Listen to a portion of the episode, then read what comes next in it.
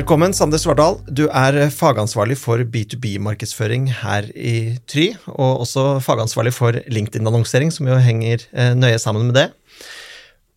Overordnet, hva skiller B2B-markedsføring fra vanlig markedsføring, eller B2C-markedsføring? Den største forskjellen er nok at eh, kundereisene er mye mer komplekse, de er mye lengre, og vi må også da tilrettelegge for at annonseringen er så nær den kundereisen som mulig. Eh, og da er ofte gjerne mye lenger, da. Jeg snakker kanskje et halvt år eller et år, eh, istedenfor kanskje et kjøp som gjøres over eh, et par dager, da. Og det skyldes at B2B-innkjøp ofte er større investeringer enn type om jeg skal gå og kjøpe en sjokolade. Er det det som er sammenhengen? At beslutningsprosessene, fordi det er større beslutningsprosesser, gjør at man bruker lengre tid? Ja, det stemmer. Ofte så er det jo beslutninger som kan være flere hundre tusen, flere millioner. Eh, I tillegg så ser vi jo at eh, det er flere personer vi skal nå i en beslutningsprosess. Eh, LinkedIn har i gjennomsnitt sju personer da, man må nå for at, i denne beslutningsgruppa før man, før man når igjennom. Så prosessen blir en god del lenger. Men betyr det også at man må tenke mer langsiktig? Altså Hvis beslutningsprosessene tar lengre tid, så betyr vel det også at hvordan man skal nå fram gjennom markedsføring må eh, ta lengre tid? Absolutt, og dette er noe vi ofte pusher kundene våre på. Vi ser jo at har man en kundereise eller en salgsprosess som tar eh, seks måneder pluss, så er det, ikke, er det ikke sikkert at en kampanje på tre uker har så stor effekt. Men veldig mange eh, beslutningstakere eller eh, sjefer er jo opptatt av at eh, de pengene de bruker på markedsføring, faktisk skal uh, gi noe. Uh, og det vet man jo aldri helt med markedsføring, at den, markedsføringen fører til et uh, salg. Men hvordan er det man skal tenke? Uh, og Her kommer kanskje litt fordelen med digital markedsføringen, at vi har noe mer oversikt over kanskje hvor leadene kommer fra, og hvor salgene kommer fra, med tanke på at alle kanalene, i hvert fall mange av de, legger jo til rette for at vi kan spore de til en viss grad, og da attribuere hvor altså salgene, eller hvor vi skal legge pengene. Da. Hvilke kanaler i tillegg til LinkedIn er det som man ofte bruker, eller metoder man bruker i B2B-markedsføring?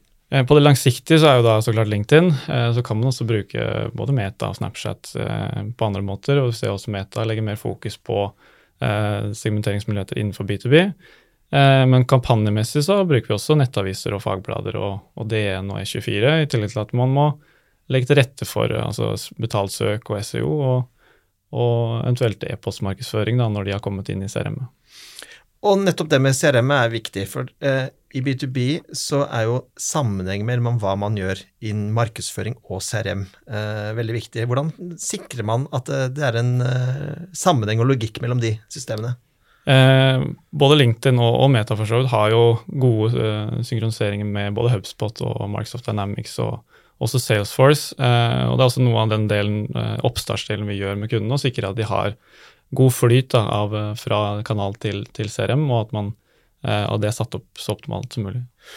Og det ser man i veldig mange tilfeller, at disse systemene ikke eh, snakker godt nok sammen. Hva er den typiske utfordringen en bedrift eh, har? Det er, er jo, det er, veldig mange kunder som har det, og så er det ikke alle kundene som bruker det, og i hvert fall ikke bruker det riktig. Eh, og det er som du sier, at man, at man har disse synkene opp riktig, og at man bruker verktøy som, som anbefalt, og det som er best practice. Eh, og det, det handler om å sette opp eh, både leadform i, i, LinkedIn riktig, og det også er synka opp riktig og mappes riktig inn i HubSpot. At man får en optimal customer journey, da, f.eks. Og hvis man ikke gjør det, så kan man egentlig risikere å bruke penger på noe som ikke du får igjen. Altså du, du kan risikere at en interessert person som eh, fyller inn et skjema eller viser en eller annen form for interesse, ikke er eh, med deg hjem i systemet ditt. Er det det som er faren? Absolutt, og det har vi også flere tilfeller av hvor hvor eh, det har kommet leads inn som ser relevant ut, inn til CRM, men så stopper de på CRM. og Da er det også viktig at CRM er satt opp sånn at leadet går videre fra den basen der til kanskje et salgsteam da, som kan håndtere det videre. Og en av mange debatter i organisasjoner er jo hvorvidt salg og markedsføring klarer å tenke integrert. Uh, og vi har vel kanskje sett en liten endring på det nå, hvor, hvor det er mer integrert uh, enn det var før. kan du gi meg noen hvor, Hvorfor er det sånn? Eh, vi ser at Mange av disse verktøyene legger jo mer til rette for at man skal kunne bruke informasjon på tvers. Eh, og Vi ser jo også at eh, med at vi også får innsikt i den, de leadsene som kommer inn, at vi også kan kommentere og, og rådgi på det, så ser vi også at vi, vi også snakker mer med salgsteamet, og ikke bare med markedsføringsteamet, hvor vi får innsikt på hvem er det de egentlig ser etter, og hvem er det de ønsker å selge til. da. Til slutt, hva er det som kjennetegner eh, gode B2B-kampanjer, og hvordan skiller de seg fra andre typer kampanjer? Eh, gode B2B-kampanjer er nok de som tør å være litt kreative i startfasen, eh, og som har et godt system for håndtering fra første visning til et søk og til eh, gjennom CRM, og, og så til salgsteam og håndtering av det. Tusen takk, Sander Svardal.